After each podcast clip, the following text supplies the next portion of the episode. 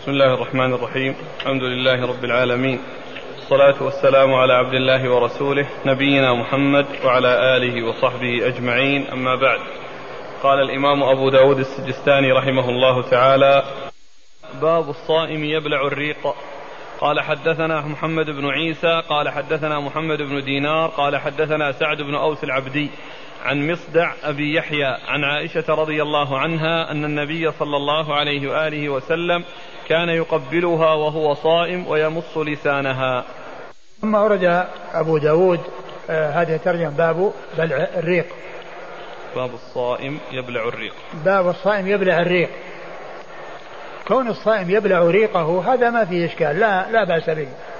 لأن الإنسان يعني الريق الذي في فمه يبلعه لا يعني يدفل كل ما اجتمع في فمه وإنما يبلع.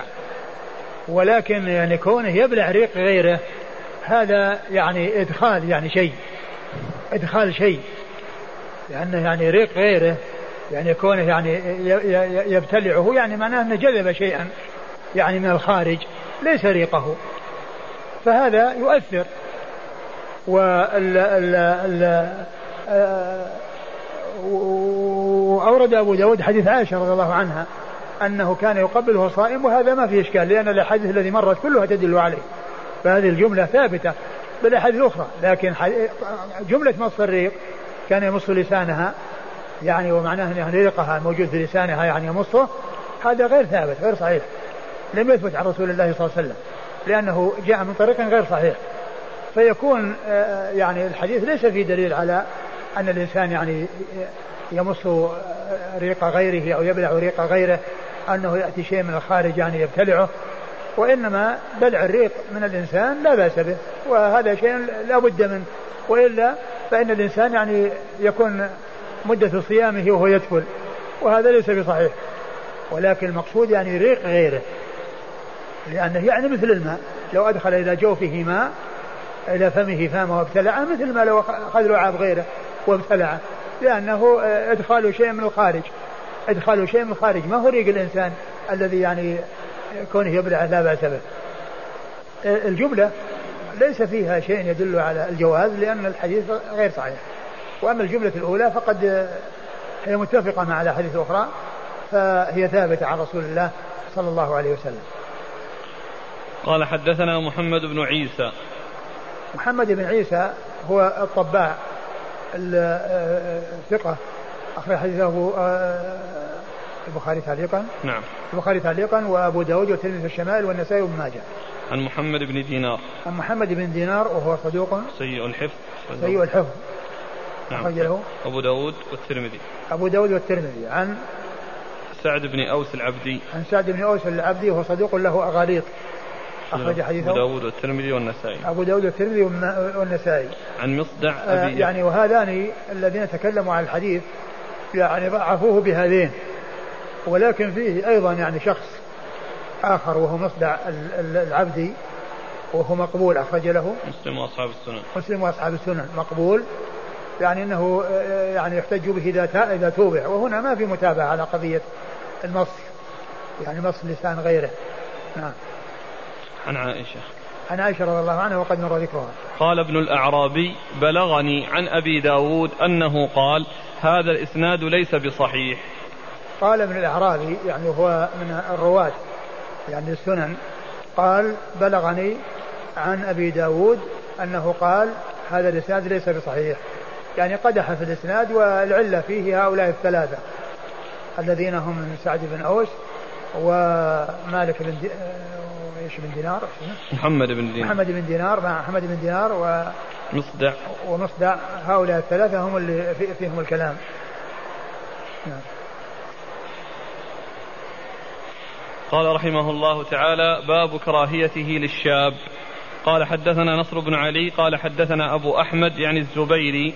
قال أخبرنا إسرائيل عن أبي العنبس عن الأغر عن أبي هريرة رضي الله عنه أن رجلا سأل النبي صلى الله عليه وآله وسلم عن المباشرة للصائم فرخص له وأتاه آخر فسأله فنهاه فإذا الذي رخص له شيخ والذي نهاه شاب.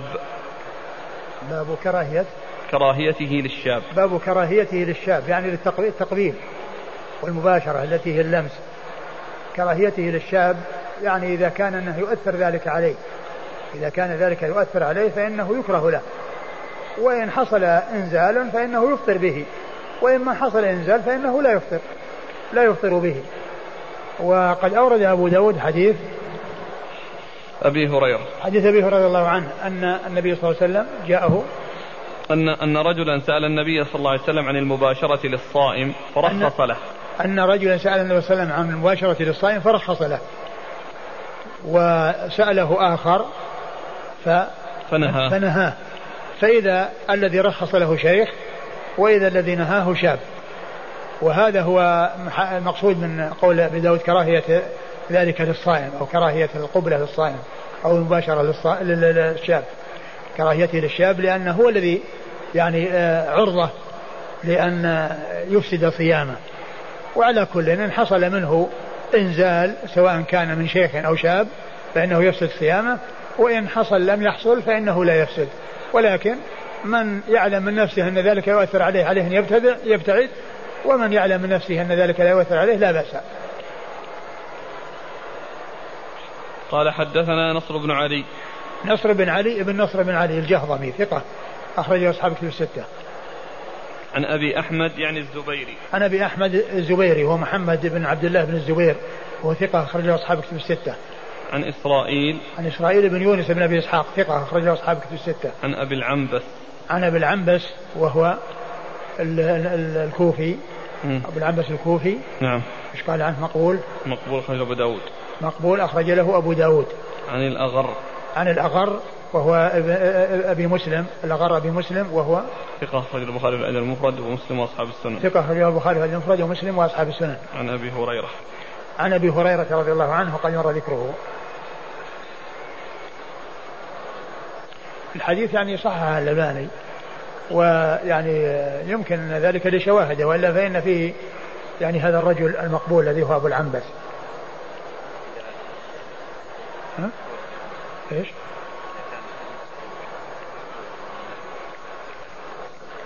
والله يعني يبدو أن نهيه أن هذا يعني إذا كان يعني مظنة أقول يحمل على انه مظنة يعني تحرك الشهوة؟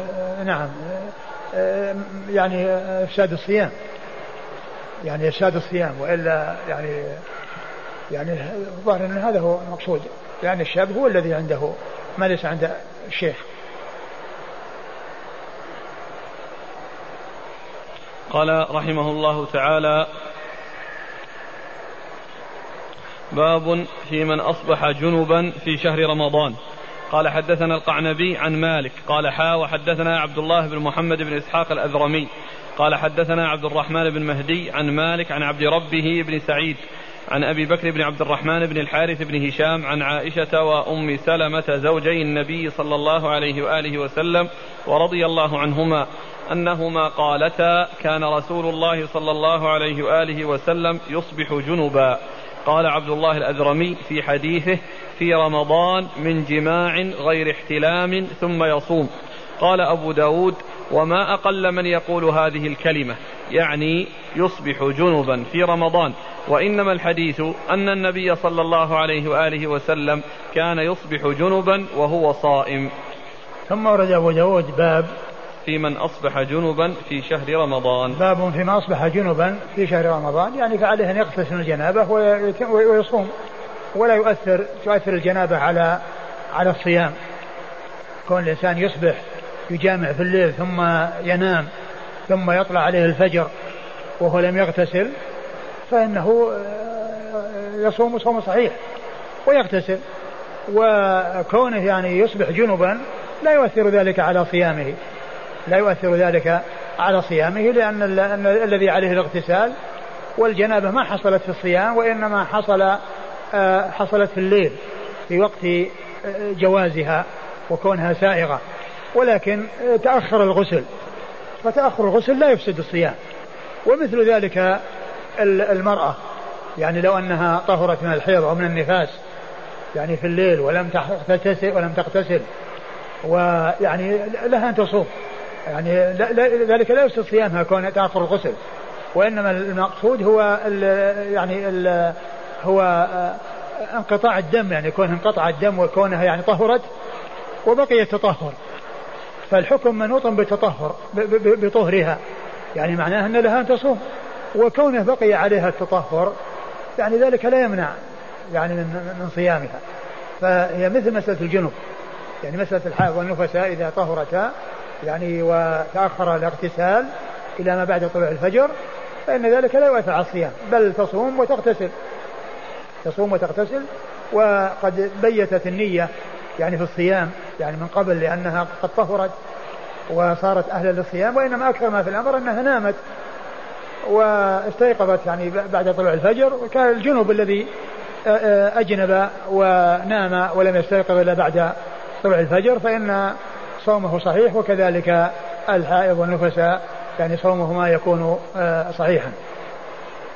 وقد وردت حديث حديث عائشة وأم سلمة. عائشة وأم سلمة رضي الله عنهما أن النبي صلى الله عليه وسلم كان يصبح جنبا فيصوم نعم. إيش؟ كان صلى الله عليه وسلم يصبح جنبا قال عبد الله الأدرمي في حديثه في رمضان من جماع غير احتلام ثم يصوم. كان يفطر جنبا كان يصبح كان يصبح كان يصبح جنبا من غير في, في, في رمضان. في رمضان من غير احتلام. من غير احتلام ثم يصوم. أو فيصوم. ف وفي وقال يعني أحد شيخ أبي داود الأذرمي في شهر رمضان. والذين وأكثر الذين رووا الحديث أو الحديثين عن عن أم سلمة ويعني وعائشة. نعم. وعائشة ما ذكروا شهر رمضان. والحكم واحد. ولكن كونه يعني جاء في بعض الروايات التنصيص على شهر رمضان أيضا يدل على ذلك. ولو لم يأتي هذه التنصيص عليها فإن الحكم واحد يعني في رمضان وغير رمضان. لأن الحكم يشمل رمضان وغير رمضان. قال كان. كان كان رسول الله صلى الله عليه وآله وسلم يصبح جنبا. قال يعني عبد الله الأذرمي في حديثه في رمضان. يعني معناه أنه يصبح يعني وقت الصباح يأتي وقت الصباح آه، دخول الفجر وهو جنب فيغتسل ويصوم. ولا يؤثر ذلك على آه، الصيام. وقال من غير احتلام. من جماع نعم من جماع غير احتلام. من جماع غير احتلام يعني من جماع أهله ليس احتلاما. واختلف احتلام الأنبياء هل يحتلمون أو لا يحتلمون. فقال يعني بعض العلماء بعدمه وأن ذلك ولأنه من تلاعب الشيطان. والشيطان لا يتلاعب بالأنبياء. لا لا يحصل من التلاعب بالأنبياء صلوات الله وسلامه وبركاته عليهم ومنهم من قال إن إن ال الاحتلام يمكن أن يحصل بدون تلاعب الشيطان. وأنه يعني يكون قوة يعني في الإنسان يعني فيظهر في النوم ويخرج في النوم. وعلى هذا يعني القائلين بهذا القول يقولون بجوازه وجواز حصول ذلك على الأنبياء. يعني ما دام أنه ليس لا يتعلق بتلاعب الشيطان فإنه آه، يقع من الأنبياء. أما كون آه، الاحتلام يكون بتلاعب الشيطان فهذا لا يكون الأنبياء لأن الأنبياء لا يتلاعب بهم الشيطان. والخلاف ذكره النووي يعني بين العلماء وأن منهم من قال بهذا ومنهم من قال بهذا قال حدثنا القعنبي القعنبي عبد الله مسلم القعنبي ثقة أخرجه أصحاب الكتب الستة لابن ماجه. عن مالك مالك بن أنس إمام دار الهجرة المحدث الفقيه الإمام المشهور أحد أصحاب المذاهب الأربعة من مذاهب أهل السنة وحديث أخرجه أصحاب الكتب الستة. قال حا وحدثنا عبد الله بن محمد بن إسحاق الأذرمي. عبد الله بن محمد بن إسحاق الأذرمي وهو ثقة. أخرجه أبو داود النسائي. أخرجه أبو داود النسائي. عن عبد الرحمن بن مهدي عن, عن مالك. عن عبد الرحمن بن مهدي ثقة. أخرجه أصحاب كتب الستة. عن مالك. عن عبد ربه بن سعيد. عن عبد ربه بن سعيد وهو أخو يحيى بن سعيد الأنصاري المدني. ثقة. أخرجه أصحاب كتب الستة. عن أبي بكر بن عبد الرحمن. عن أبي بكر بن عبد الرحمن بن الحارث بن هشام. وهو أحد فقهاء المدينة السبعة في عصر التابعين على أحد الأقوال الثلاثة في السابع منهم. وحديثه أخرجه أصحاب كتب الستة. عن عائشة عن عائشة رضي الله عنها مر, عنها مر ذكرها وأم سلمة هي هند بنت أبي أمية رضي الله عنها أم المؤمنين وحديثها أخرجه أصحاب كتب الستة. قال أبو داود وما أقل من يقول هذه الكلمة يعني يصبح جنبا في رمضان. وإنما الحديث أن النبي صلى الله عليه وآله وسلم كان يصبح جنبا وهو صائم. ثم قال أبو داود ما أقل من قال هذه الكلمة. يعني أن الذين قالوا هذه الكلمة وهي التنصيص على شهر الصيام أو رمضان قليل جدا بالنسبة للذين عمموا ولم ينصوا عليها. ولو لم تأتي فإن التعميم كاف وكونه جاء التنصيص أيضا يكون تأكيد وزيادة إيضاح وبيان وإلا فإنه لا فرق بين الفرض والنفل في الحكم. قال حدثنا عبد الله بن مسلمة يعني القعنبي عن مالك عن عبد الله بن عبد الرحمن بن معمر الأنصاري عن أبي يونس مولى عائشة عن عائشة رضي الله عنها زوج النبي صلى الله عليه وآله وسلم أن رجلا قال لرسول الله صلى الله عليه وآله وسلم وهو واقف على الباب يا رسول الله إني أصبح جنبا وأنا أريد الصيام الله صلى الله عليه وآله وسلم وأنا أصبح جنبا وأنا أريد الصيام فأغتسل وأصوم. فقال الرجل يا رسول الله إنك لست مثلنا. قد غفر الله لك ما تقدم من ذنبك وما تأخر. فغضب رسول الله صلى الله عليه وآله وسلم وقال والله إني لأرجو أن أكون أخشاكم لله وأعلمكم بما أتبع ثم ورد أبو داود حديث عائشة رضي الله عنها.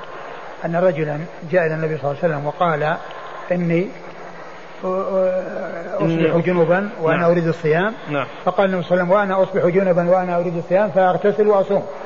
فقال إنك قال الرجل إنك لست مثلنا. لست مثلنا. غفر الله لك من ذنبك ما تقدم من ذنبك ما تقدم من ذنبك ما تقدم غفر الله لك ما تقدم من ذنبك وما تأخر. غفر الله لك من ذنبك ما تقدم وما تأخر. فغضب رسول الله صلى الله عليه وسلم. وكأن غضبه عليه الصلاة والسلام يعني لكونه يعني فيه إشارة إلى التشدد وإلى يعني ال ال يعني التشدد يعني في العبادة و وأن الرسول يعني تميز عليهم بذلك. وهذا من جنس قصة الجماعة الذي قال الرسول غفر الجماعة الثلاثة الذين قالوا تقالوا أعمالهم وقال الرسول غفر لهم ما تقدم من ذنبه وما تأخر فأنا أصوم ولا أفطر وهذا قال أقوم الليل ولا أنام وهذا قال لا أتزوج النساء. فلما بلغه ذلك صلى الله عليه وسلم قال عليه الصلاة والسلام آه يعني آه أنكم قلتم كذا وكذا أما أني أخشاكم لله وأتقاكم له لكني أصوم وأفطر وأصلي وأنام وأتزوج النساء فمن رغب عن سنتي فليس مني. فهذا يعني فيه إشارة إلى يعني ما جاء عند الصحابة الثلاثة الذين تقالوا أعمالهم وقالوا إن الرسول صلى الله عليه وسلم غفر له ما تقدم من ذنبه وما تأخر إذ يختلف يختلف عنا. يعني فكان في شيء من التشديد على النفس وشيء من التكليف النفس.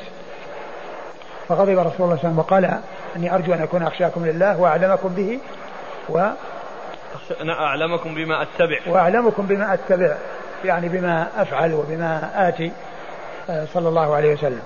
نعم. قال حدثنا عبد الله بن مسلم القعنبي عن مالك عن عبد الله بن عبد الرحمن بن معمر الأنصاري. عبد الله بن عبد الرحمن بن معمر الأنصاري هو؟ ثقة أخرج أصحاب الكتب. ثقة أخرج أصحاب الكتب الستة. عن أبي يونس مولى عائشة. عن أبي يونس مولى عائشة وهو ثقة أخرج له. البخاري في المفرد ومسلم وأبو داود والترمذي والنسائي. البخاري في المفرد ومسلم وأبو داود والترمذي والنسائي. عن عائشة. عن عائشة وقد مر ذكرها. نعم. موجود ذكر في عون المعبود. ذكر كلامه في عون المعبود. ترى هذا تعد جاء سؤالان وهذا الأخ الثالث. يطلبون الإحالة. أين ذكر النووي أيه. رحمه الله مسألة اختلاف العلماء في احتلام الأنبياء؟ هذا ذكر في عون المعبود عندكم موجود. م. ومن في لا يكون في في مسلم أو شرح مسلم. أيوة لكن ها؟ نعم. اي وهو الآن هو ذكر هنا. نقلا نقلا عن النووي في عن مسلم. م. أذكر أنه مر قبل فترة. هذه ليس أول موضع. إيه. مر معنا يعني في الغسل عليه في غسل الجنابة. معنا ما هي بأول مرة. أذكركم أنكم ذكرتم هذا. أي هو موجود. يعني ذكره. ذكره أبو, أبو عون المعبود ذكره نقل عن النووي. موجود كلامه عنده يعني اقرأ ما هو موجود معكم ها؟ موجود معكم كلام النووي اي نقرأ طيب اقرأ اقرأ إيه. لكن ال- الكلام الذي ذكرت يعني قضية ال- يعني كون إنه يعني يصير فيه قوة وكذا هذا مو موجود ما ذكره نعم. لكني رأيته يعني في مكان آخر ما أدري وين رأيته كان رسول الله صلى الله عليه وسلم يصبح جنبا. قال النووي وفيه دليل لمن يقول بجواز الاحتلام على الأنبياء وفيه خلاف الأشهر امتناعه. قالوا لأنه من تلاعب الشيطان وهم منزهون عنه. فالمراد يصبح جنبا من جماع ولا يجنب من احتلام لامتناعه منه. هذا اللي نقله فقط. نعم. هو الآن الاستدلال على القول الثاني. القول الثاني الذي يعني رجح خلافه والأشهر امتناعا. نعم. جزاكم الله خيرا وبارك الله فيكم ونفعنا الله بما قلتم.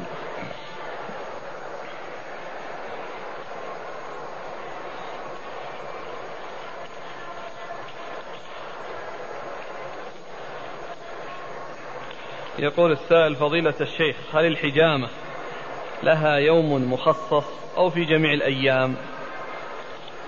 والله ما عندي ما عندي علم في هذا لا أدري.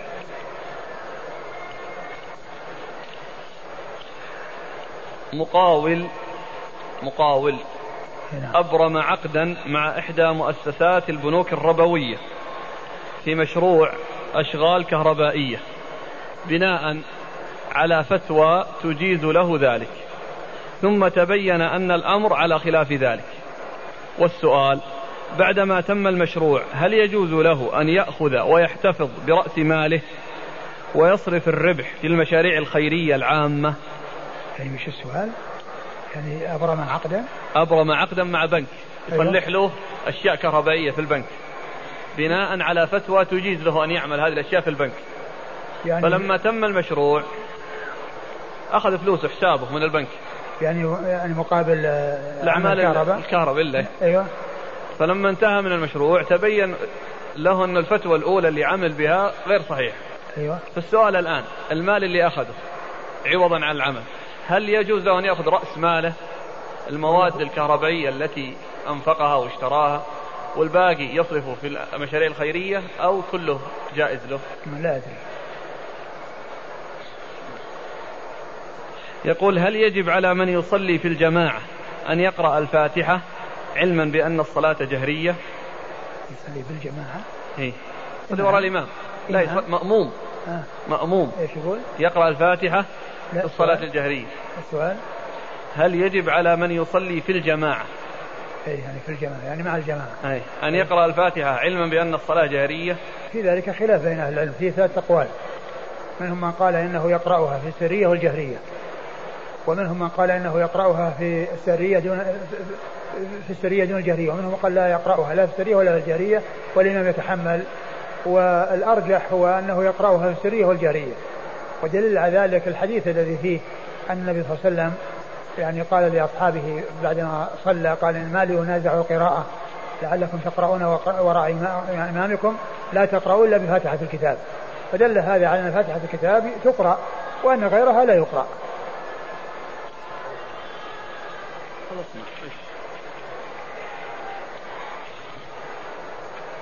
يقول أورد الشيخ الألباني رحمه الله حديث فيه فإن شهد شاهدان مسلمان فصوموا وأفطروا. رواه أحمد والنسائي. وقال الشيخ عنه في إرواء الغليل صحيح. فهل في هذا الحديث دليل على أنه يجب في دخول شهر رمضان شاهدان؟ قال الحديث الحديث فإن شهد شاهدان مسلمان فصوموا وأفطروا. رواه أحمد والنسائي. هو كما هو معلوم يعني جاء ما يدل على أنه يكفي واحد حديث ابن عمر الذي قال ترى الناس الهلال فرأيته فأخبرت النبي صلى الله عليه وسلم فأمر بالصيام فدل ذلك على أن على أن صوم الواحد صوم. برؤية الواحد كافي فهو يريد الجمع ما أدري يعني وش. قضية يعني لأن شهد شاهدان يعني لا يدل آه، حديث ابن عمر يدل على أنه لا يلزم آه، أن يكون هناك يعني شاهدان بل يكفي شاهد واحد. هل خال أبي يكون محرما لزوجتي؟ خال أبيه خال أبيه.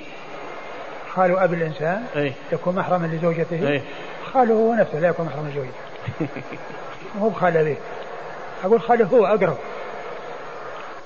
أقول خاله أقرب من خال أبيه. لا يكون محرما لزوجته.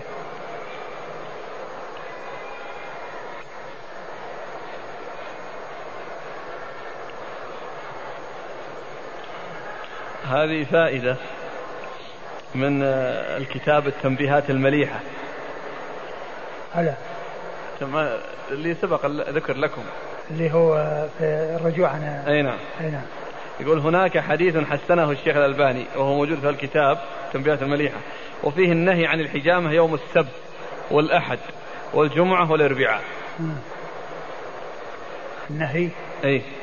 يوم السبت. والأحد آه. والجمعة والأربعاء. آه.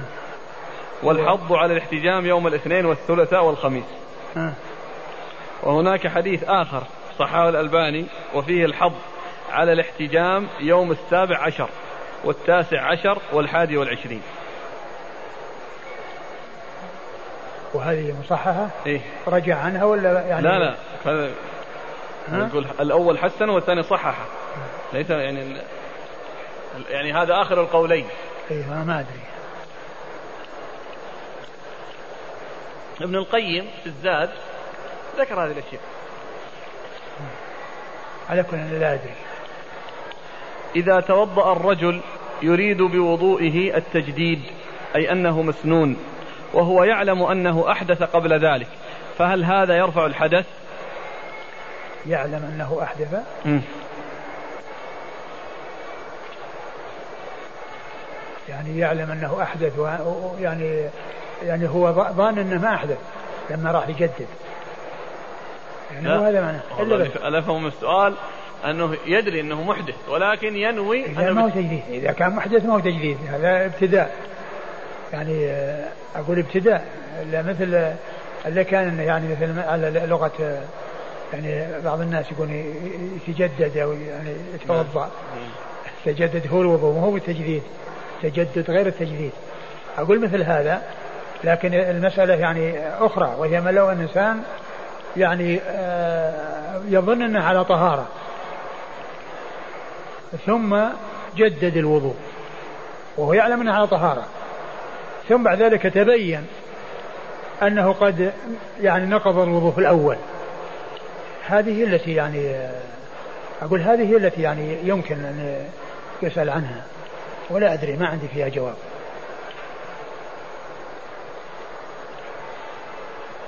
بالأمس عندما ذكر أبو داود المعلق حدثنا شيبان قال شيبان حدثنا أبو قلاب. الأخ أي الأخ يقول بعد النظر في تراجم الرواة تبين أن شيبان لم يسمع من أبي قلابة. فإن بين بين وفاتيهما ستون سنة. فالمراد من قوله قال شيبان أخبرني بيان سماع يحيى من أبي قلابة لأنه مدلس. أخبرني إيش؟ قال قال يحيى. لا ما في يحيى لا لا قال إيش هنا؟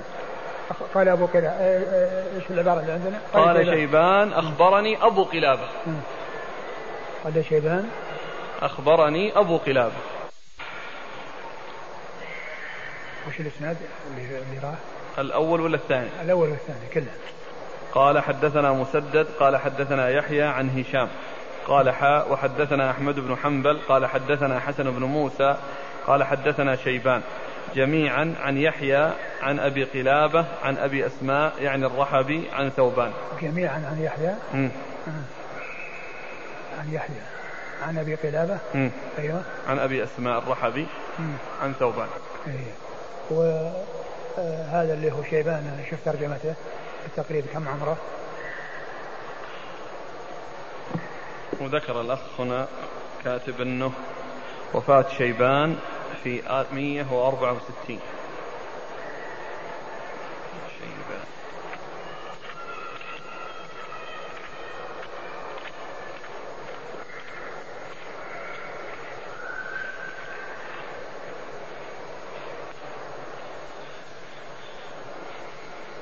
ذكر سنة وفاته سنة أربع وستين. ولكن ما ذكر ولادته لا ما ذكر مدة عمره؟ قالوا لا. عمره كذا؟ لا. ما قالوا عمره كذا؟ لا. على كل إذا كان أنه يعني ليس يعني يعني من لا بس ال... هو الإشكال أنه الأخ جزاه الله خير يقول أبو قلابة توفي 304 يوها أربعة؟ أي يوها أربعة؟ أي آه. وبن... وشيبان توفي 164 مم. فبينهما هو يمكن إذا كان عمره طويل هذا يمكن. إذا كان عمره طويل يمكن وإنما الشأن يعني هل روى عنه ولا ما روى عنه؟ يقول في ترجمة الشيبان ليس من تلاميذه أبي قلابة. ليس من شيوخ. ليس من شيوخ نعم. ولا أبو قلابة في ترجمته أنه من تلاميذه شيبان. نعم إذا إذا كان أمره كذلك فهو كما قال الأخ. لأن المقصود أن أن أن رواية شيبان فيها تصريح يحيى بالإخبار. قال شيبان أخبرني يعني اللي هو عن شيخه عن شيخ يحيى. لكن إن كان أنه يعني إن كان أنه يعني من شيوخ أنه روى عنه وكذا فهو محتمل. وإن كان أنه ما روى عنه فلعل المقصود مثل ما ذكر وأن القضية ما فيها ما فيها يعني قضية نزول أو علو. مثل ما قيل بالأمس أو قبل أمس. يعني معناه أن يحيى هو الذي يعني يروي عن عن أبي قلابة يحيى بن أبي كثير. على كل هو الحديث صحيح وإنما الشأن يعني بس فهم ال- المراد يعني في هذه العبارة. فإذا كان أنه ما روى عنه فهو يعني لا شك أنه يعني أن كلمة أخبرني هي عبارة يحيى الذي هو شيخ شيبان.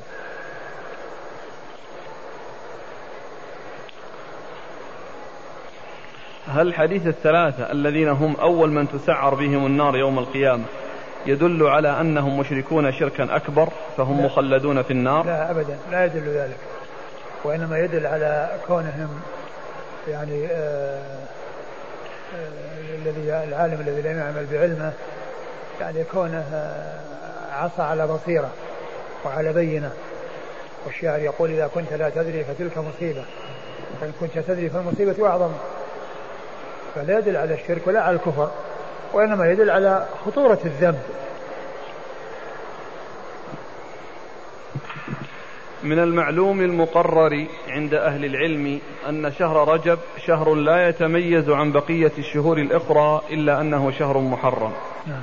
وقد وقفت في صحيح الجامع الصغير على حديث عن رسول الله صلى الله عليه وآله وسلم قال العتيرة حق برقم 4122 وقال عنه الألباني رحمه الله تعالى حسن. ثم علق رحمه الله في الهامش فقال هي ذبيحة تذبح في رجب وهي مشروعة ولكنها ليست واجبة. فما هو توجيهكم؟ وفقكم الله. هو أقول هو جاء حديث صحيحة لا فرع ولا عتيرة يعني جاء حديث يعني أخرى. يعني في في النفي. أنا ما أتذكر لكن يعني يمكن أن ينظر يعني في الحديث التي فيها نفي العتيرة وما قاله أهل العلم فيها. هل يجوز للرجل أن يكتحل بميل من فضة أو ذهب؟ ليس الإنسان يستعمل الذهب والفضة.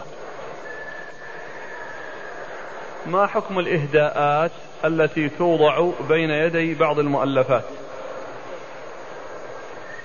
والله يعني قضية الإهداء الذي هو إهداء ثواب وما إلى ذلك هذا يعني ما ما نعلم عن شيء يعني آه يعني يدل عليه.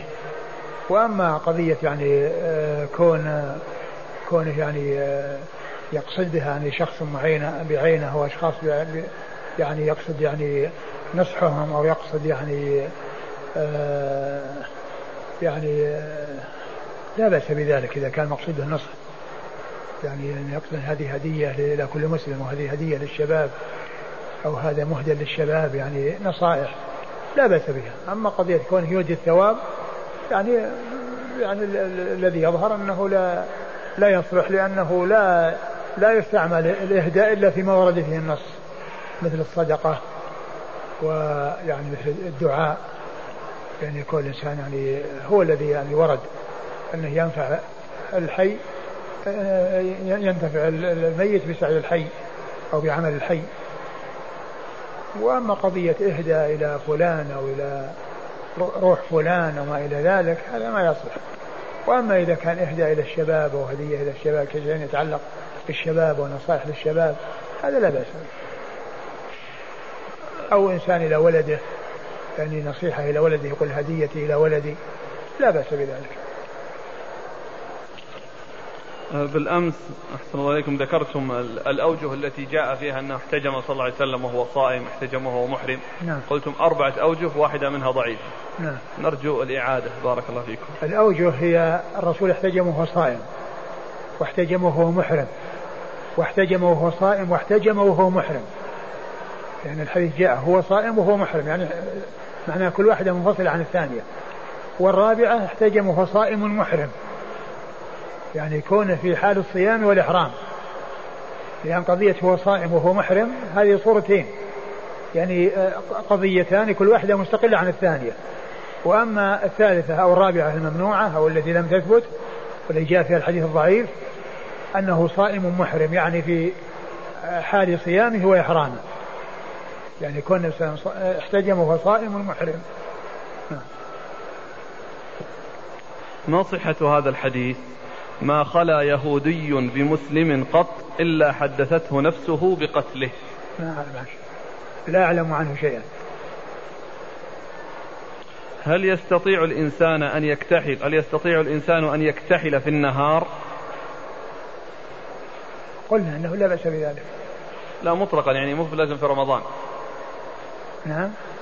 أليس الوارد عن النبي صلى الله عليه وسلم في هدي أنه كان يكتحل في الليل عند النوم في كل عين ثلاثة؟ السؤال. نعم. أقول ما أدري يعني الاكتحال يعني يعني هو الأصل جوازه إلا أن يأتي شيء يمنع منه. وقد مر بنا أن الصحابة يكتحلون أو أنس يكتحل وهو صائم. وكذلك يعني التابعين يكتحلون وهم صائمون. هل غسل الجنابة يجزئ عن غسل الجمعة على القول بوجوب غسل الجمعة؟ آه نعم غسل الجنابة يجزئ عن غسل الجمعة.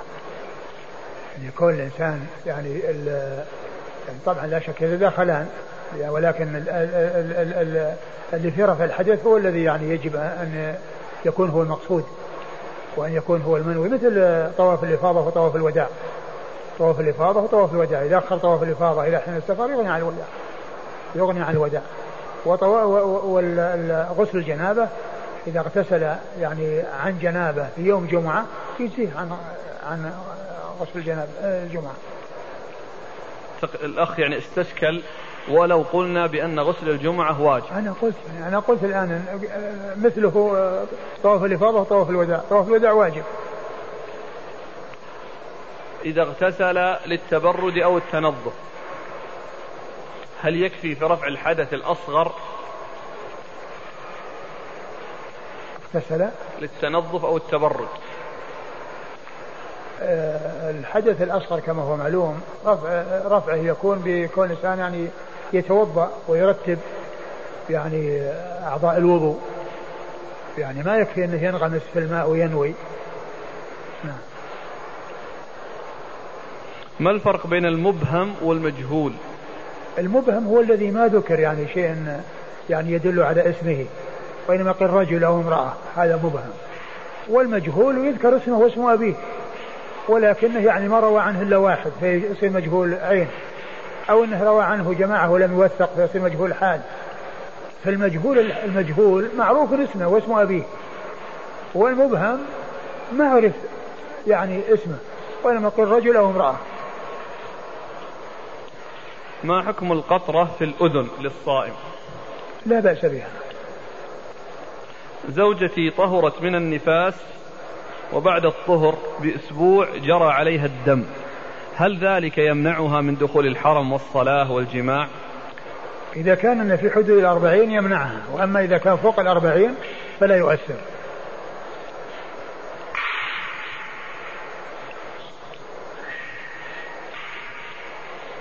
هل الرسول صلى الله عليه وسلم خير بين أن يخلد في الدنيا وله الجنة وبين الرفيق الأعلى؟ فاختار الرفيق الأعلى. ما أعلم يخلد في الدنيا وله الجنة؟ مم. ما أعلم ما جعلنا لبشر من قبلك الخلد. كيف يعني يخير؟ أقول كيف يخير بالبقاء في الدنيا؟ قال الإمام أبو داود السجستاني رحمه الله تعالى باب كفارة من أتى أهله في رمضان. قال حدثنا مسدد ومحمد بن عيسى المعنى. قال حدثنا سفيان. قال مسدد حدثنا الزهري عن حميد بن عبد الرحمن عن أبي هريرة رضي الله عنه أنه قال أتى رجل النبي صلى الله عليه وآله وسلم فقال هلكت. فقال ما شأنك؟ قال وقعت على امرأتي في رمضان. قال فهل تجد ما تعتق ما تعتق رقبة؟ قال لا. قال فهل تستطيع أن تصوم شهرين متتابعين؟ قال لا. قال فهل تستطيع أن تطعم ستين مسكينا؟ قال لا. قال اجلس.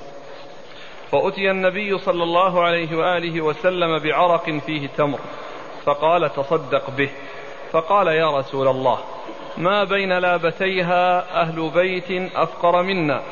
فضحك رسول الله صلى الله عليه وعلى آله وسلم حتى بدت ثناياه. قال فأطعمه إياهم. وقال مسدد في موضع آخر أنيابه. أبو داود السجساني رحمه الله تعالى باب كفارة من أتى أهله في نهار رمضان.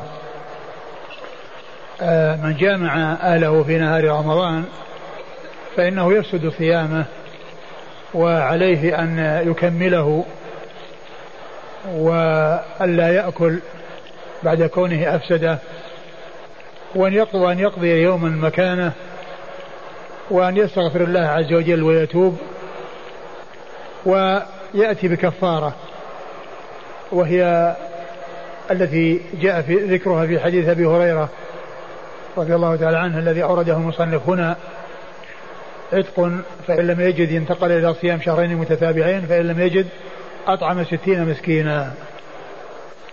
آه، أورد أبو داود حديث أبي هريرة رضي الله عنه أن رجلا جاء إلى النبي صلى الله عليه وسلم وقال يا رسول الله هلكت. فالرسول صلى الله عليه وسلم سأله عن هذا الذي آه، قال إنه هلك به فقال إنه وقع على أهله في نهار رمضان. فالنبي صلى الله عليه وسلم قال هل تجد ما تعتق رقبة قال لا. قال هل تستطيع أن تصوم شهرين متتابعين؟ قال لا.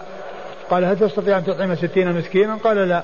قال اجلس. فجلس فأتي رسول الله صلى الله عليه وسلم بعرق فيه طعام وقال آه، خذه وتصدق به. أي كفارة يعني أده كفارة عنك. فقال ليس هناك بين لابتي المدينة من هو أفقر منا. فضحك رسول الله صلى الله عليه وسلم حتى بدت أنيابه لأنه جاء في أول الأمر يقول أنه هلك وأنه يبحث عن الخلاص. ولما ذكر له الخلاص على الترتيب وانتهى إلى الطعام وقال إنه لا يجد شيئا ثم أتي بطعام وأعطي إياه ليتصدق به قال نحن أولى به فضحك رسول الله صلى الله عليه وسلم. وقال خذه فكله. و وهذا يدلنا على أن من جامع في نهار رمضان يجب عليه كفارة وما ورد في الحديث من أن النبي صلى الله عليه وسلم قال كله لا يدل على سقوط الكفارة. بل الكفارة لازمة في ذمته ودين عليه. إذا أيسر فإنه يفعل ما يمكنه من الثلاثة. الأول إن قدر على الأول الذي هو العتق فلا ينتقل إلى الصيام. وإن عجز عنه انتقل إلى الصيام شهرين متتابعين. وإن عجز عنه انتقل إلى الإطعام إطعام ستين مسكينا وكون النبي صلى الله عليه وسلم أذن له بأن يأكله وأن يستفيد منه هو أهله لا يدل على أن الكفارة سقطت عنه بل الكفارة دين في ذمته ومتى أيسر عليه أن يأتي بها. ولكن كونه غير مستطيع في الوقت الحاضر وهو بحاجة إلى الطعام وأنه أولى من غيره وقد سأل النبي صلى الله عليه وسلم هذا الذي أعطاه إياه ليتصدق به كفارة عنه سأله أن يأكله هو أهله فأذن له بذلك رسول الله صلى الله عليه وسلم فإذنه له لا يدل على سقوطها وإنما يدل على آه، تأخيرها وأنها تبقى دينا في ذمته متى استطاع أن آه، يؤدي ذلك الدين فإنه يؤديه. وقوله هلكت يعني معناه آه، يشعر بأنه فعل أمرا عظيما وقال إنه هلك بهذا الفعل. والنبي صلى الله عليه وسلم أخبره بما هو واجب عليه كفارة ولكن عليه القضاء وعليه الكفارة. والنبي صلى الله عليه وسلم أخبره بما هو واجب عليه كفارة ولكن عليه القضاء وعليه الكفارة. ويعني يستغفر الله عز وجل مما قد حصل ولا يعود الإنسان إلى هذا العمل. ثم إن المرأة إذا كانت مطاوعة فإنه يلزمها كفارة مثل ما يلزم الرجل. وإما إن كانت مكرهة ومن غير إرادتها فإنه يفسد صيامها وعليه قضاء وعليها قضاؤه وليس عليها شيء يعني من الكفارة. نعم.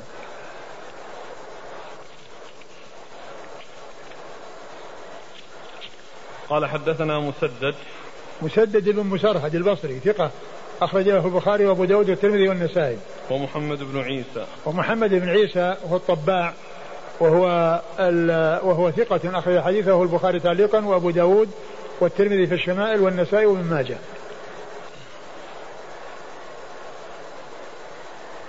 المعنى عن سفيان. المعنى أي أن هذين الشيخين روايتهم متفقة بالمعنى وهما يرويان عن سفيان وسفيان هو الثوري. سفيان بن سعيد بن مسروق الثوري هو بن عيينة. وهما يرويان عن ابن عيينة. محمد بن عيسى الطباع ومسدد نعم. يرويان عن سفيان بن عيينة المكي وهو ثقة أخرج له أصحاب كتب الستة. قال مسدد حدثنا الزهري. قال مسدد يعني في حديثه حدثنا الزهري. يعني أن سفيان بن عيينة قال حدثنا الزهري. قال سفيان في قال مسدد في حديثه عن سفيان أن سفيان قال حدثني الزهري. والزهري هو محمد بن مسلم بن عبد الله ابن شهاب الزهري ثقة أخرج له أصحاب الكتب آه الستة. عن حميد بن عبد الرحمن. عن حميد بن عبد الرحمن بن عوف ثقة أخرج له أصحاب الكتب الستة. عن أبي هريرة. عن أبي هريرة عبد الرحمن بن صخر الدوسي صاحب رسول الله صلى الله عليه وسلم وأكثر أصحابه حديثا على الإطلاق. رضي الله عنه وأرضاه.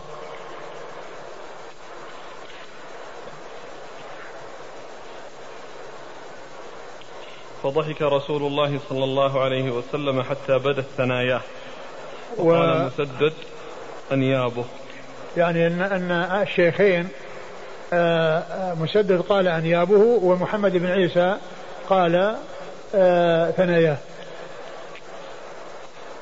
قال حدثنا الحسن بن علي قال حدثنا عبد الرزاق قال أخبرنا معمر عن الزهري بهذا الحديث بمعناه زاد الزهري وإنما كان هذا رخصة له خاصة فلو أن رجلا فعل ذلك اليوم لم يكن له بد من التكفير.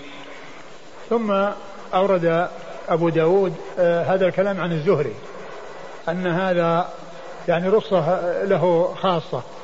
ولو فعل أحد بعد ذلك لم يكن له بد من التكفير.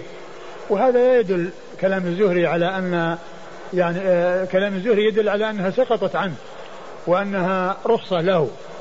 ولكن يعني ليس هذا بواضح لأنه يمكن أن يكون الرسول صلى الله عليه وسلم أذن له بأن يأكل هذا الطعام لأنه بحاجة ماسة إليه. ولا يعني ذلك أن ما في ذمته قد برئ وأنها سقطت عنه فإن الكفارة لازمة له الكفارة لازمة له قال حدثنا الحسن بن علي الحسن بن علي الحلواني ثقة أخرج أصحاب كتب الستة إلا النسائي. عن عبد الرزاق. عبد الرزاق بن همام الصنعاني اليماني ثقة أخرج له أصحاب كتب الستة. عن معمر. معمر بن راشد الأزدي البصري ثم اليماني ثقة أخرج له أصحاب كتب الستة. عن الزهري بهذا الحديث بمعناه. عن الزهري بهذا الحديث بمعناه وقد و و يعني بمعنى الحديث الذي تقدم. نعم. قال أبو داود رواه الليث بن سعد والأوزاعي ومنصور بن المعتمر وعراك بن مالك على معنى ابن عيينة زاد فيه الأوزاعي واستغفر الله ثم ورد أبو داود الحديث من طريق أخرى ولكنها معلقة وأشار إلى أنها مثل طريق ابن عيينة وهي الطريق الأولى آه التي يرويها مسدد ومحمد بن عيسى. وفيها زيادة آه عند الأوزاعي أنه قال واستغفر الله. يعني من الذنب الذي قد حصل وهو كل إنسان آه، حصل منه الإفطار في نهار رمضان بسبب الجماع. نعم. قال أبو داود رواه الليث بن سعد الليث بن سعد المصري ثقة أخرج له أصحاب كتب الستة والأوزاعي والأوزاعي عبد الرحمن بن عمرو الأوزاعي ثقة فقيه أخرجه أصحاب كتب الستة. ومنصور بن المعتمر. ومنصور بن المعتمر الكوفي وهو ثقة أخرجه أصحاب كتب الستة. وعراك بن مالك. وعراك بن مالك ثقة أخرجه أصحاب كتب الستة. زاد فيه الأوزاعي واستغفر الله. زاد فيه الأوزاعي واستغفر الله يعني على من ذكر معه أنه قال واستغفر الله.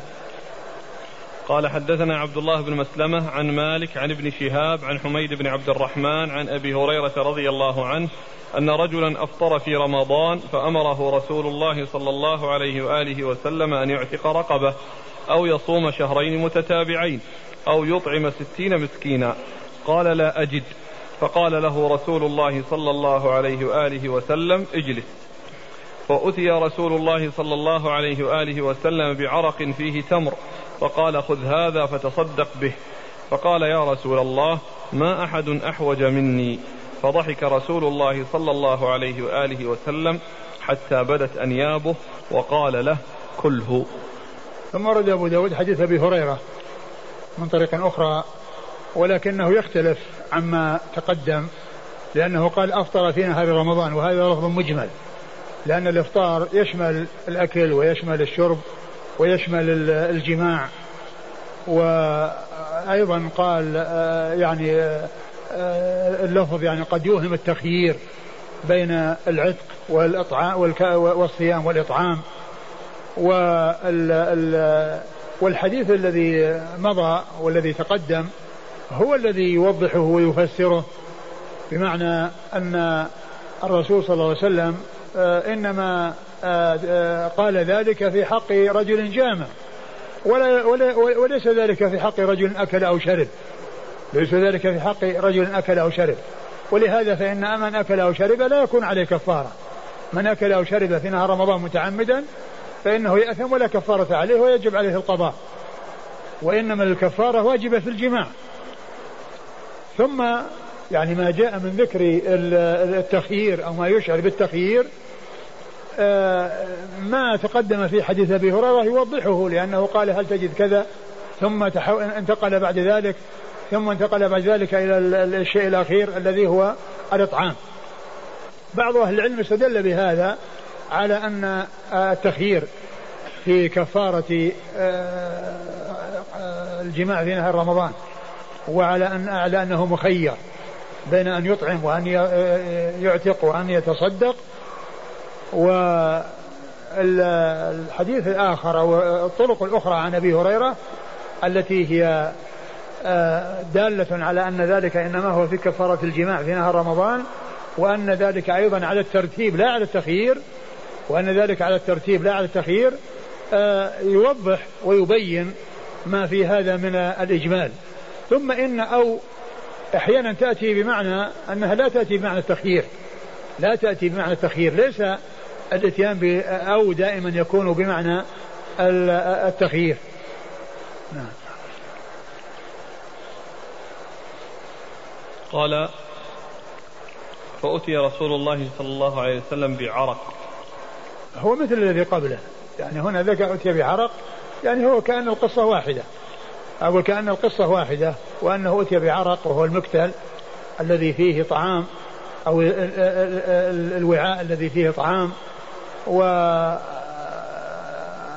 إياه ليتصدق به ف قال بعد ذلك أن على أفقر مني ولا ما قال هنا شيء. قال ما أحد أحوج مني. نعم ثم يعني يبدو أن القصة واحدة أن القصة واحدة وأن آه، حديث أبي هريرة هذا من طرقه إنما يراد به من جامع وليس المقصود منه آه، العموم في الأفطار ولا التخيير بين أنواع الكفارة الثلاثة وإنما الأمر مقصور على الجماع كما جاء في الأحاديث الأخرى المفسرة وأيضا على الترتيب كما جاء في الأحاديث الأخرى المفسرة.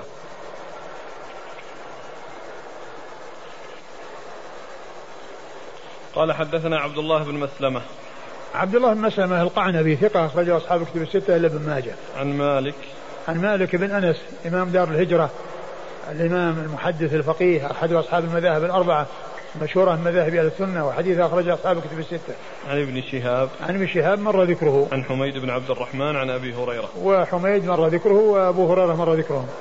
قال أبو داود رواه ابن جريج عن الزهري على لفظ مالك أن رجلا أفطر وقال فيه أو تعتق رقبة أو تصوم شهرين أو تطعم ستين مسكينا ثم ذكر طريقا أخرى وقال إنها على لفظ مالك يعني هو الطريقة الأخيرة التي قال أفطر كما جاء عن مالك وقال له كذا أو كذا يعني تعتق رقبة أو تصوم شهرين أو تطعم ستين مسكينا قال أبو داود رواه ابن جريج ابن جريج عبد الملك بن عبد العزيز بن جريج المكي ثقة أخرج له أصحاب كتب الستة. قال حدثنا جعفر بن مسافر قال حدثنا ابن أبي فديك قال حدثنا هشام بن سعد عن ابن شهاب عن أبي سلمة بن عبد الرحمن عن أبي هريرة رضي الله عنه أنه قال جاء رجل إلى النبي صلى الله عليه وآله وسلم أفطر في رمضان بهذا الحديث. قال فأتي بعرق فيه تمر قدر خمسة عشر صاعا وقال فيه كله أنت وأهل بيتك وصم يوما واستغفر الله. ثم ورد أبو داود حديث أبي هريرة رضي الله عنه من طريق أخرى وفيه أنه أمره بالقضاء يعني يوم بدل اليوم الذي أفطره وأنه أيضا يعني يستغفر الله عز وجل وهذه قد مرت يعني عند الأوزاعي في بعض ألفاظه وبعض الروايات وفيه أنه آه وفيه أن أنه قال له كله أنت وأهلك وهذا في اختصار لأنه يعني ما قال له كله أنت وأهلك من أول الأمر. وإنما أعطاه إياه لي ليتصدق به كفارة عنه ولما أخبره بأنه بحاجة إلى إلى الطعام هو أهل بيته قال كله. وفيه أنه قال خمسة عشر يعني العرق أن فيه خمسة عشر صاعا. وأن يعني هذا هو يعني معناه أنه يكون على مقدار المد. يعني كل مسكين مد. إذا كان يعطى لستين مسكينا يكون لكل واحد مد. نعم. وصم يوما واستغفر الله. وصم يوما يعني مكانه. يعني مكان اليوم الذي يفطر فيه. مكان اليوم الذي يفطر فيه ويستغفر الله مما حصل من الذنب الذي هو الافطار في نهار رمضان. لأنه جاء عدد من الأسئلة. هل الشهرين تكفي ولا يصوم 61 لا هو ال ال ال ال ما تكفي وإنما يصوم يعني يوم قضاء وستين يوم كفارة. وبعض أهل العلم قال إذا كفر بالصيام يعني يكفي آه، شهرين يعني لا, لا يلزمه. وإن كفر بالإطعام وكفر بالعتق فإنه يصوم. ولكن الذي يبدو أن أن الكفارة مستقلة وأن القضاء واجب. قال حدثنا جعفر بن مسافر. جعفر بن مسافر هو صدوق ربما أخطأ أخرجه أبو داود والنسائي بن ماجه. صدوق ربما أخطأ أخرجه أبو داود والنسائي بن ماجه. عن ابن أبي فديك. عن ابن أبي فديك ومحمد بن إسماعيل بن مسلم. ابن أبي فديك صدوق أخرجه أصحاب كتب الستة. عن هشام بن سعد. عن هشام بن سعد وهو صدوق. له أوهام. صدوق له أوهام أخرج حديثه. البخاري تعليقا ومسلم وأصحاب السنن البخاري تعليقا ومسلم وأصحاب السنن عن عن ابن شهاب عن أبي سلمة بن عبد الرحمن. عن ابن شهاب مر ذكر أبو سلمة بن عبد الرحمن بن عوف. ثقة اخرج له أصحاب كتب الستة. عن أبي هريرة وقد مر ذكره. قال حدثنا سليمان بن داود المهري قال أخبرنا ابن وهب قال أخبرني عمرو بن الحارث أن عبد الرحمن بن القاسم حدثه أن محمد بن جعفر بن الزبير حدثه أن عباد بن عبد الله بن الزبير حدثه أنه سمع عائشة زوج رضي الله عنها زوج النبي صلى الله عليه وآله وسلم تقول أتى رجل إلى النبي صلى الله عليه وآله وسلم في المسجد في رمضان فقال يا رسول الله احترقت. فسأله النبي صلى الله عليه وآله وسلم ما شأنه؟ قال أصبت أهلي. قال تصدق. قال والله ما لي شيء ولا أقدر عليه. قال اجلس. فجلس. فبينما هو على ذلك أقبل رجل يسوق حمارا عليه طعام. فقال رسول الله صلى الله عليه وآله وسلم أين المحترق آنفا؟ فقام الرجل. فقال رسول الله صلى الله عليه وآله فقال رسول الله صلى الله عليه وآله وسلم تصدق بهذا. فقال يا رسول الله أعلى غيرنا؟ فوالله إنا لجياع ما لنا شيء. قال كلوه. ثم ورد أبو داود حديث عائشة رضي الله تعالى عنها وهو بمعنى ما تقدم. إلا أنه قال احترقت. يعني معناه أنه أصابه يعني هذا الكرب وهذه المصيبة وأنه أهلك نفسه. يعني هو مثل هلكت. فالرسول صلى الله عليه وسلم قال ما شأنه؟ قال وقعت على أهل أهلي في نهار رمضان. قال تصدق. فقال ما عندنا شيء. وهذا فيه اختصار. لأنها الصدقة هي آخر شيء. آخر شيء أو آخر درجات أو آه، أحوال الكفارة. قال آه، قال فأتي نعم فأقبل. فبينما هو على ذلك أقبل رجل يسوق حمارا عليه طعام. فقال خذه فكله. قال نعم. أين المحترق آنفا؟ قال نعم. فأقبل رجل عليه معه حمار عليه طعام فقال أين المحترق آنفا؟ فقال الرجل أنا يا رسول الله. فقال خذه وتصدق به. فقال على أفقر منا ثم إن النبي قال كلوه. وهو مثل حديث أبي هريرة المتقدم. قال حدثنا سليمان بن داود المهري. سليمان بن داود المهري المصري ثقة أخرج حديثه أبو داود النسائي عن ابن وهب. عن ابن وهب عبد الله بن وهب المصري ثقة أخرجه أصحاب كتب الستة. عن عمرو بن الحارث. عن عمرو بن الحارث المصري. ثقة أخرجه أصحاب كتب الستة. عن عمرو عبد الرحمن بن القاسم. عن عبد الرحمن بن القاسم بن محمد بن أبي بكر وهو ثقة أخرجه أصحاب كتب الستة. عن محمد بن جعفر بن الزبير. محمد بن جعفر بن الزبير ثقة أخرج له. أصحاب الكتب. أصحاب الكتب الستة. عن عباد ابن عبد الله بن الزبير. عباد بن عبد الله بن الزبير ثقة أخرجه أصحاب الكتب الستة. عن عائشة. عن عائشة أم المؤمنين رضي الله عنها وأرضاها الصديقة بنت الصديق وهي واحدة من سبعة أشخاص عرفوا بكثرة الحديث عن النبي صلى الله عليه وسلم قال حدثنا محمد بن عوف قال حدثنا سعيد بن أبي مريم قال حدثنا ابن أبي الزناد عن عبد الرحمن بن الحارث عن محمد بن جعفر بن الزبير عن عباد بن عبد الله عن عائشة رضي الله عنها بهذه القصة. قال فأتي بعرق فيه عشرون صاعا. ثم ورد أبو داود آه، حديث عائشة رضي الله عنها من طريق أخرى وفيه أن النبي صلى الله عليه وسلم أتي بعرق فيه عشرون صاعا. يعني في الأولى قال حمار عليه طعام. وهنا قال عرق به عشرون صاعا. وهذا فيه التنصيص على عشرين صاع. والحديث الأول حديث أبي هريرة خمسة عشر صاع. والألباني ضعف هذه الرواية وهذا الحديث لكن ما أدري يعني وجه التضعيف يعني لهذا الحديث الذي فيه ذكر العشرين الصاع نعم. قال حدثنا محمد بن عوف. محمد بن عوف ثقة أخرج أصحاب كتب الستة. محمد بن عوف أخرج أبو داود والنسائي في مسند علي. أبو داود النسائي أبو داود والنسائي في مسند علي. بس؟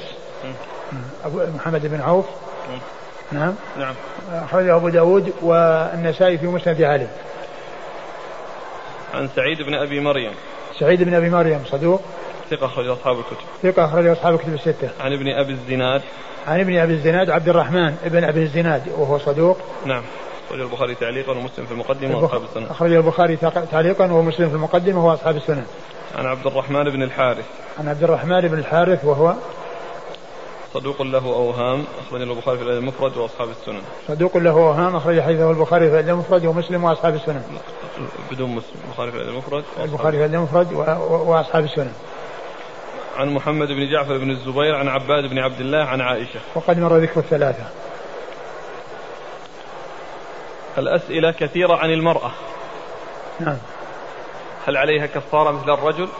أنا قلت أنا قلت إن كانت مطاوعة فعليها كفارة لأنها آه، مختارة ومقدمة آه، على ما أقدم عليه الرجل. وإن كانت مكرهة فلا كفارة عليها وإنما عليها القضاء. الراجح كم كم يطعم؟ كم مقدار الكفارة؟ الحديث آه، هنا فيه خمسة عشر صاع وأنه يعني لكل مسكين مد لأن الصاع أربعة أمداد فإذا قسم خمسة صاع على ستين يطلع مد. وبعض أهل العلم قال أنه نص صاع يعني كالكفارات الأخرى أو بعض الكفارات الأخرى مثل ما جاء في ال ال كل إنسان يحلق رأسه في في الحج. يعني يطعم ستة مساكين لكل مسكين نصف صاع. ويحتمل ويحتمل أن يكون آه، آه، أن أن كون النبي صلى الله عليه وسلم يعني أعطاه هذا المقدار اللي هو خمسة عشر صاع.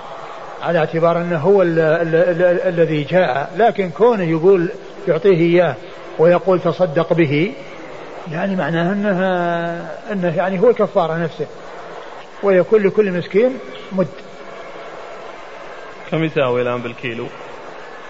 الكيلو الصاع ثلاثة كيلو كله. الصاع ثلاثة كيلو. الصاع نفسه ثلاثة كيلو. فيكون ربع ربع ربع الصاع. يعني أك يعني الصاع يعني وهو ثلاثة كيلو يعني أقل من الكيلو الربع. نعم. نعم. كيف 20 كيلو؟ لا هو الصاع الواحد أربعة أمداد. 60 صاع. لا هو الكلام على 15 صاع. يعني كل صاع به أربعة أمداد على 60 أربعة في 15 60 يصير يعني معناه العرق الذي فيه 15 صاع وأعطاه إياه ليصدق به. يعني معناه أن أنه يصير للمسكين الواحد مت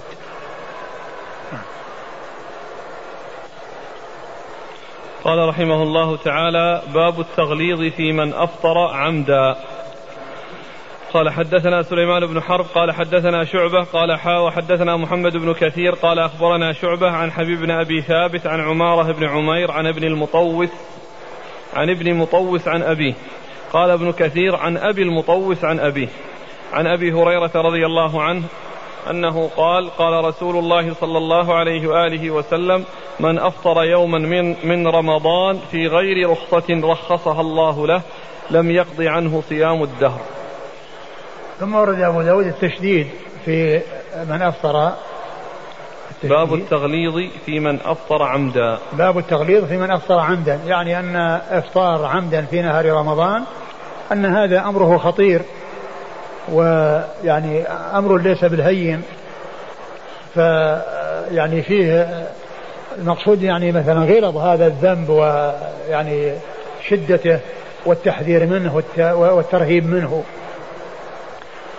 وقد أورد أبو داود حديث من هو؟ أبي هريرة. حديث أبي هريرة رضي الله عنه أن أن النبي صلى الله عليه وسلم قال من أفطر يوما من رمضان في غير رخصة رخصها الله له لم يقض عنه صيام الدهر. يعني من أفطر يوما من رمضان في غير رخصة رخصها الله له يعني كالمرض والسفر ولم يقضه صيام الدهر ولو صام لم يقضه صيام الدهر. يعني أنه لا يغني عنه صيام الدهر. والحديث ضعيف غير ثابت عن رسول الله صلى الله عليه وسلم. ومعلوم أن من أفطر يوم من رمضان إن كان بالجماع فعليه القضاء والكفارة وإن كان في غير الجماع الجماع فعليه القضاء. ويستغفر الله عز وجل. وقد يعني فعل أمرا خطيرا وأمرا عظيما. والحديث يعني غير ثابت. لوجود من هو لين الحديث ومن هو مجهول وأيضا من هو مدلس ويعني فيه علل متعددة. نعم. قال حدثنا سليمان بن حرب. سليمان بن حرب ثقة أخرجه أصحاب كتب الستة. عن شعبة. عن شعبة بن الحجاج الواسطي ثقة أخرجه أصحاب كتب الستة. قال حا حدثنا محمد بن كثير. قال حا حدثنا محمد بن كثير العبدي ثقة أخرجه أصحاب كتب الستة. قال أخبرنا شعبة عن حبيب بن أبي ثابت. قال أخبرنا شعبة عن حبيب بن أبي ثابت، حبيب بن أبي ثابت ثقة آه، يدلس ويرسل وحديثه أخرجه أصحاب كتب الستة. عن عمارة بن عمير. عن عمارة بن عمير ثقة أخرجه أصحاب كتب الستة. عن ابن مطوس. عن ابن مطوس وهو لين الحديث. وأخرج له أصحاب السنن. أصحاب السنن. وأبوه آه، أخرج أبوه مجهول. أخرج له أصحاب السنن. أخرجه أصحاب السنن. وقال ابن كثير عن أبي المطوس عن أبيه. وقال ابن كثير أي له في الطريقة الثانية عن أبي المطوس. نعم. عن أبي المطوس عن أبيه. يعني قال ابن المطوس وهنا قال أبي المطوس عن أبيه.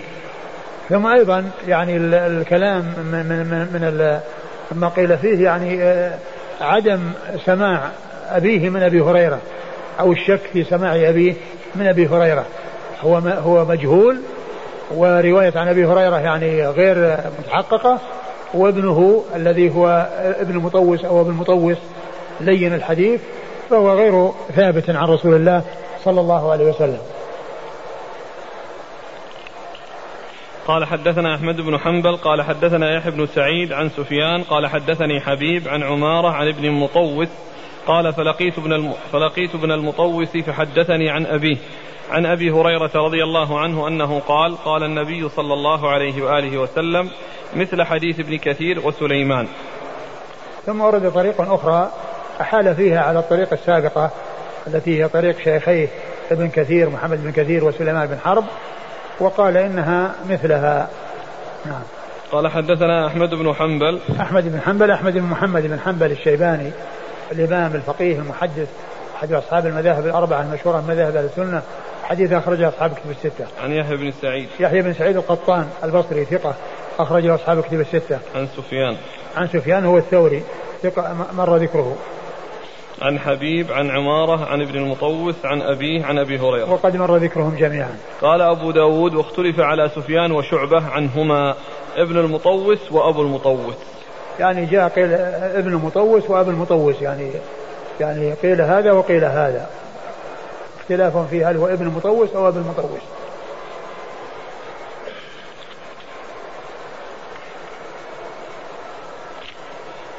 قال رحمه الله تعالى باب من أكل ناسيا.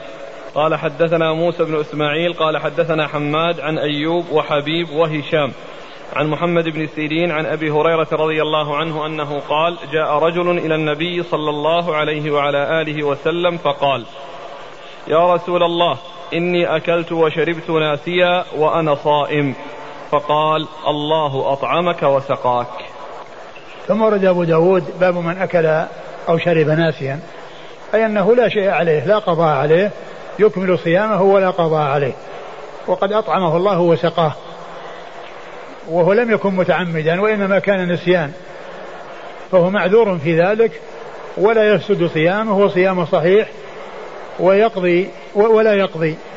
أورد أبو داود حديث أبي هريرة أن رجلا جاء إلى النبي صلى الله عليه وسلم وقال إنه آه، أكل وشرب ناسيا فقال له النبي صلى الله عليه وسلم أطعك الله أطعمك وسقاك يعني أنه لم يذكر له يعني شيء لا كفارة ولا قضاء. لا كفارة ولا قضاء. فدل على أنه معذور وأن أكله وشربه ناسيا أنه لا شيء عليه فيه وصيامه صحيح ولا قضاء عليه. نعم. قال حدثنا محمد بن إسماعيل موسى بن إسماعيل. موسى بن إسماعيل التبوذكي البصري ثقة. أخرج له أصحاب كتب الستة. عن حماد. عن حماد بن سلمة ثقة أخرج له البخاري تعليقا ومسلم وأصحاب السنن. عن أيوب. أيوب بن أبي تميمة السختياني ثقة أخرج له أصحاب كتب الستة. وحبيب. وحبيب آه، ابن الشهيد وهو ثقة أخرج له أصحاب الكتب. نعم. أخرج له أصحاب الكتب الستة. وهشام. وهشام بن حسان ثقة أخرج له أصحاب الكتب الستة. عن محمد بن سيرين. عن محمد بن سيرين ثقة أخرج له أصحاب الكتب الستة. عن أبي هريرة. عن أبي هريرة وقد مر ذكره. العامة يقولون إذا شفت واحد يشرب ناسي لا تقول له شيء اتركه. لا لا ذكره. لا تتركه. إذا رأيت من يأكل أو يشرب فذكره بالصيام ولا تتركه. لأنه ليس يعني لأن هذا من من التنبيه على الصيام وحرمة الصيام. قال رحمه الله تعالى باب تأخير قضاء رمضان. قال حدثنا عبد الله بن مسلم القعنبي عن مالك عن يحيى بن سعيد عن أبي سلمة بن عبد الرحمن أنه سمع عائشة رضي الله عنها تقول إن كان ليكون علي الصوم من رمضان فما أستطيع أن أقضيه حتى يأتي شعبان. ثم ورد أبو داود باب تأخير قضاء رمضان. آه قضاء رمضان يستحب المبادرة إليه. يستحب المبادرة إليه. ولكنه لا يجب على الفور. لا يجب على الفور وإنما آه آه للإنسان أن أن يؤخر وبل ويستحب له أن أن يصوم على الفور. ولكن أن يكون يجب عليه وأنه لو أخر يأثم لا لا يجب عليه على على الفور. وإنما هو على التراخي. وإنما هو على التراخي ولكن المبادرة به مستحبة. وكونه يأتي به على الفور مستحب.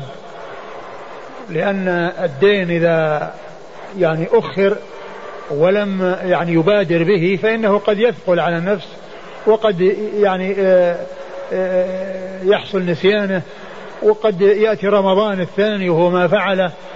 فينبغي للإنسان ويستحب له أن يبادر. وأورد أبو داود حديث عائشة رضي الله عنها أنها كانت يكون قالت كان يكون علي من رمضان فلا أستطيع أن أقضيه إلا في شعبان أي لمكان آه، انشغالها برسول الله صلى الله عليه وسلم. و وكونها تؤخر إلى شعبان يدل على أنه لا يؤخر عن شعبان وأنه يتجاوز رمضان الثاني. إلا إذا كان من ضرورة فللإنسان إذا كان يعني هناك ضرورة دعت إلى ذلك. أما من حيث الاختيار لا يؤخر عن رمضان لا يؤخر عن شعبان إلى أن إلى ما بعد رمضان الثاني. وإنما عليه التخلص منه قبل أن يأتي الفرض الثاني. عليه أداء ذلك الواجب قبل أداء ذلك القضاء الذي عليه قبل أن يأتي الفرض الثاني الذي هو شهر رمضان آه الآتي. و عائشة رضي الله عنها وأرضاها كانت تؤخر إلى شعبان إما لقربه من رمضان وأنها تبادر إليه عند ذلك الوقت أو لأن النبي صلى الله عليه وسلم كان يكثر الصيام في شعبان وأنه في حالة إكثاره الصيام هي أيضا تصوم لأنه كان يصوم أكثر الشهر أو كثيرا من الشهر صلى الله عليه وسلم. فتكون عائشة تجدها فرصة لكون رمضان قرب ولكون الرسول صلى الله عليه وسلم أكثر ما, ما كان يصوم في شعبان صلى الله عليه وسلم. فدل هذا على التأخير وأنه سائغ وأن المبادرة مستحبة. نعم.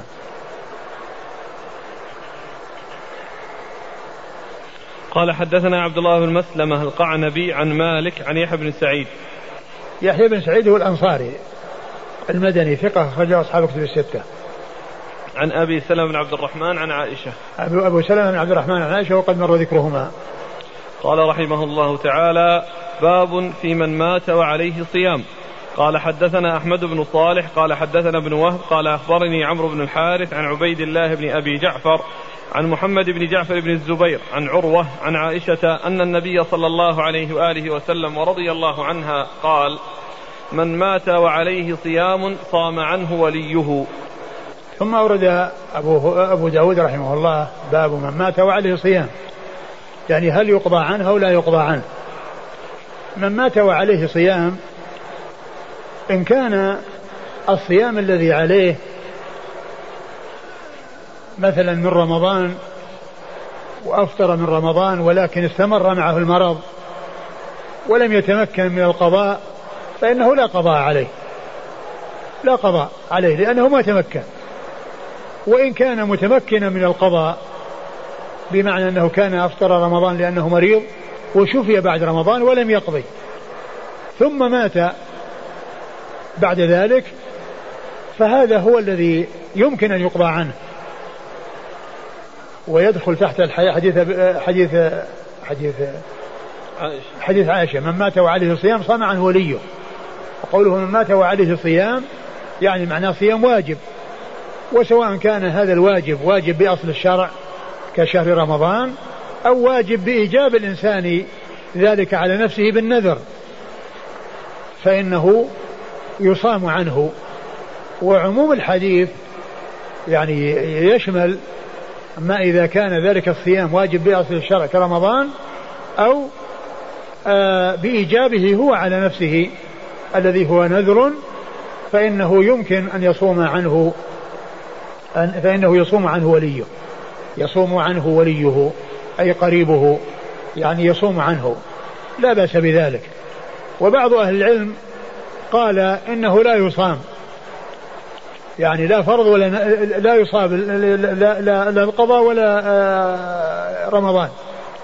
وبعضهم قال يصام النذر دون رمضان.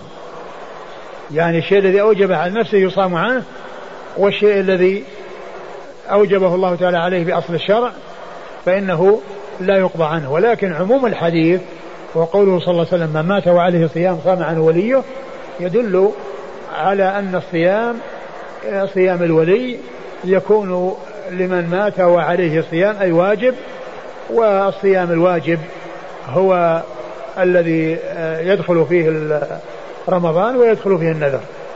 نعم. وليه؟ وليه قريبه يعني قريبه طيب لو أن صاحب له. ويبدو أنه, أنه لا بأس وإنما ذكر الولي من أجل أنه هو الذي هو الذي يعني يشفق عليه وهو الذي يعنى به والذي آه، يمكن أن يحصل ذلك منه. ولو صام عنه غيره جاز.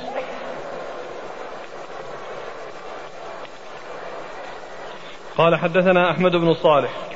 أحمد بن صالح المصري ثقة أخرج حديث البخاري وأبو داود والترمذي في الشمائل. عن ابن وهب عن ابن وهب مر ذكره. عن عمرو بن الحارث عن عبيد الله بن أبي جعفر. عمرو بن الحارث مر ذكره. عبيد الله بن أبي جعفر. بن أبي جعفر هو ثقة أخرج أصحاب الكتب. ثقة أخرج أصحاب الكتب الستة. عن محمد بن جعفر بن الزبير عن عروة. محمد بن جعفر بن الزبير مر ذكره. عن عروة بن الزبير بن العوام. ثقة فقيه أخرجه أصحاب الكتب الستة. عن عائشة. عن عائشة قد مر ذكرها. قال أبو داود هذا في النذر وهو قول أحمد بن حنبل. قال أبو داود هذا في النذر يعني أن أبو داود يعني يرى أنه في النذر. وهو قول أحمد بن حنبل الذي فرق بين النذر وبين الصيام الواجب اللي هو في أصل الشرع وهو رمضان. يعني معناه أنه قيده بالنذر ولكن عمومه يعني يشمل النذر وغير النذر.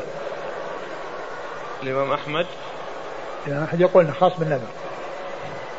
وتلميذه معه؟ أبو داود. إيه؟ هو نفسه يعني هو هو حكى عن عنه لكن يعني هل يفرق. هل يفرق بين النذر والصيام. وش قال هو؟ قال قال أبو داود. قال أبو داود هذا في النذر وهو قول أحمد نعم يعني هذا في النذر يعني يعني يبدو أنه رأيه. يعني يبدو أنه رأيه قال هذا في النذر وهو قول أحمد. قال حدثنا محمد بن كثير قال أخبرنا سفيان عن أبي حصين عن سعيد بن جبير عن, أب... عن ابن عباس رضي الله عنهما قال إذا مرض الرجل في رمضان ثم مات ولم يصم أطعم عنه ولم يكن عليه قضاء وإن كان عليه نذر قضى عنه وليه. ثم أورد هذا الأثر عن ابن عباس رضي الله تعالى عنه عنهما أنه قال من إيش؟ إذا مرض الرجل في رمضان ثم مات ولم يصم أطعم عنه ولم يكن عليه قضاء. وإذا إذا مرض الرجل الرجل نعم.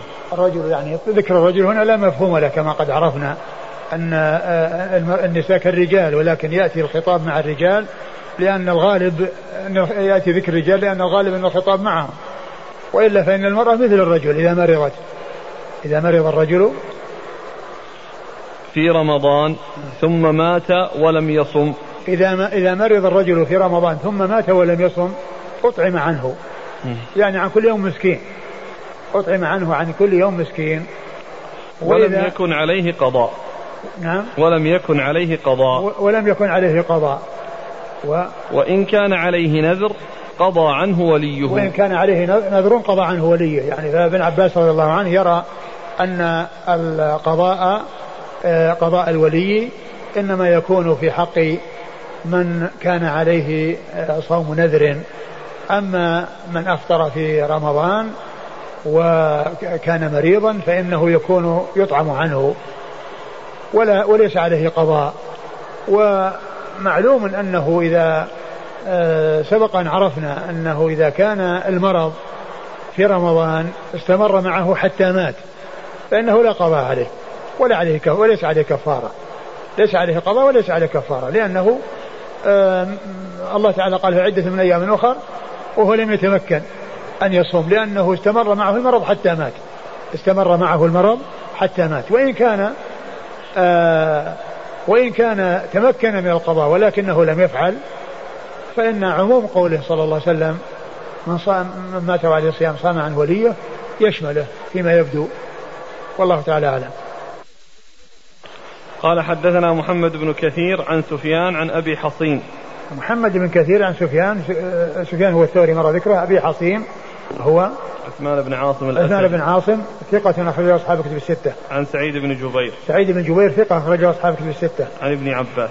عن ابن عباس عبد الله بن عباس بن عبد المطلب بن عم النبي صلى الله عليه وسلم وأحد العبادلة الأربعة من أصحاب النبي صلى الله عليه وسلم وأحد السبعة المعروفين بكثرة الحديث عن النبي صلى الله عليه وسلم انتهى الباب. نعم. والله تعالى أعلم وصلى الله وسلم وبارك على عبده ورسوله نبينا محمد وعلى آله وأصحابه أجمعين.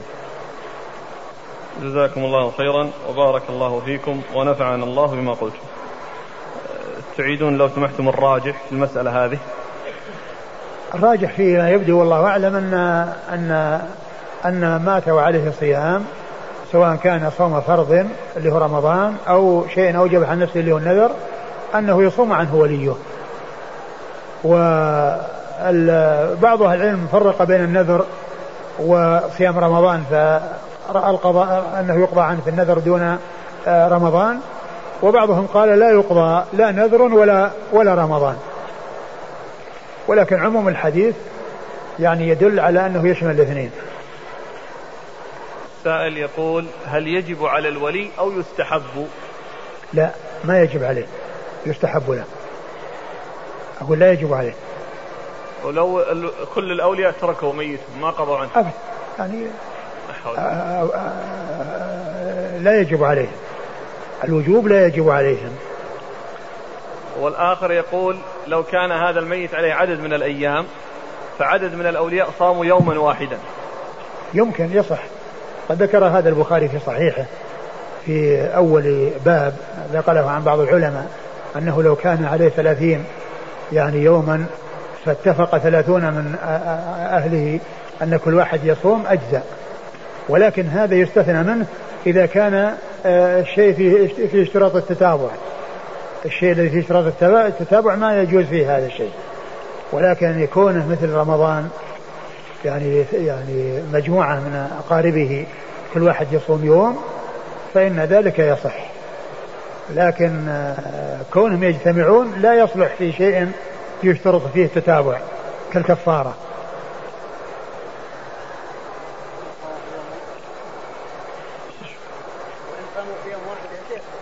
أي نعم. والبخاري ذكر هذا في صحيحه عن بعض السلف في أول ترجمة باب أنه يعني اتفقوا وصاموا يوما واحدا.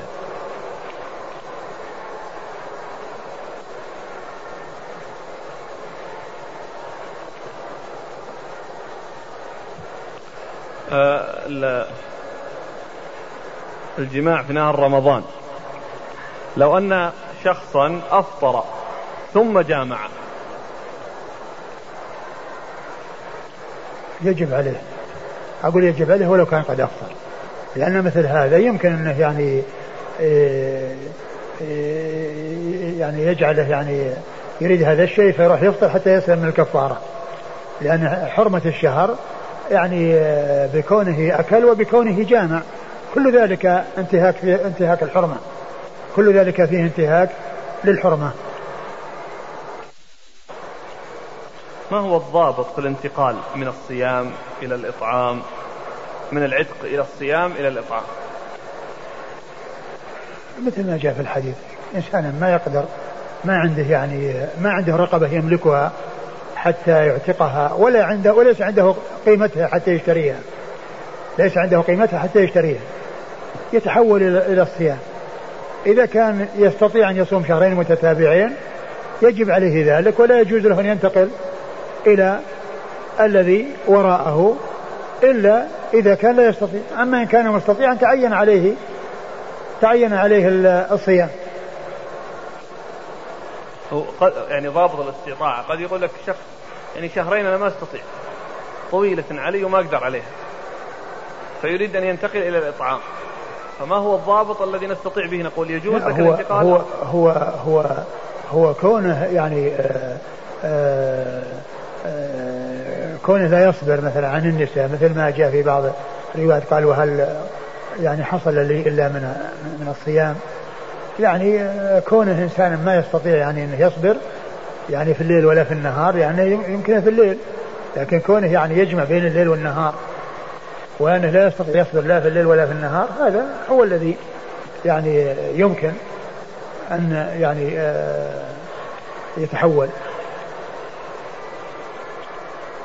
هل الاستمناء في نهار رمضان مثل الجماع عليه الكفارة؟ لا ما في كفارة ولكنه يفسد صيامه وعليه القضاء ويأثم. ويأثم لأنه فعل أمرا محرما. فعل أمرا محرما لو كان في غير رمضان. حتى هو في غير رمضان محرم فإذا كان في رمضان يكون الأمر أخطر وأخطر. ولكن ليس عليه كفارة وإنما عليه القضاء. والكفارة إنما تجب على المجامع كما جاء في الحديث عن رسول الله صلى الله عليه وسلم. يقول شخص جامع أهله وظنه أنه بقي شيء من الوقت في الليل فسمع الأذان فامتنع من فعله وترك فهل عليه شيء من الكفارة؟ لا ليس عليه شيء. إذا كان جامع في الليل وأنه يعني أذن وهو يعني آآ آه، آآ آه، يعني في الجماع ونزع ليس عليه شيء.